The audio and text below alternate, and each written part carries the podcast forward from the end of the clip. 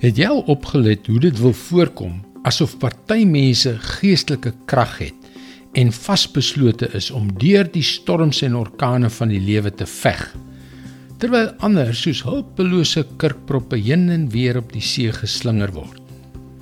Hallo, ek is Jockey Gouchee vir Bernie Diamond en welkom weer by Vars. Ons het die laaste paar dae gesels oor God se hulp wanneer daardie donker dae van tyd tot tyd onvermydelik oor ons lewens toesak. Maar dis moeilik om sy beloftes te glo wanneer dit voel asof die lewe sy rug op ons gedraai het. Want wanneer ons emosies met ons rondom talie speel, is dit amper asof ons gestuit word deur iets wat verhoed dat ons die lewensreddende hulp wat God bied ontvang. Miskien is dit waarom die apostel Paulus vir sy vriende die volgende gebid het in Efesiërs 3 vers 16 en 17. Ek bid dat hy deur sy gees uit die rykdom van sy heerlikheid aan julle die krag sal gee om innerlik sterk te word. Dat Christus deur die geloof in julle harte sal woon en dat julle in die liefde gewortel en gegrondves sal wees.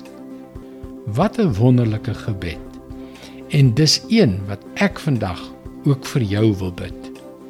Dat God die vensters van die hemel sal oopmaak en sy krag oor jou sal uitstort, sodat jy onder alle omstandighede innerlik sterk sal wees. En ek weet dat hy getrou is om jou al die krag te gee wat jy nodig het wanneer hy jou vul en met sy Heilige Gees deurdrink. Mag ons Here Jesus Christus deur die geloof in jou hart woon. Mag hy jou tot sy eer sterk maak deur jou geloof in Christus. Want dit is sy belofte, sy woord vars vir jou vandag. Ek is so passievol daaroor om te sien hoe die kragtige beloftes van God 'n werklikheid in jou lewe word. Jy kan daagliks boodskappe soos hierdie per e-pos ontvang gaan na ons webwerf varsvandag.co.za en teken in.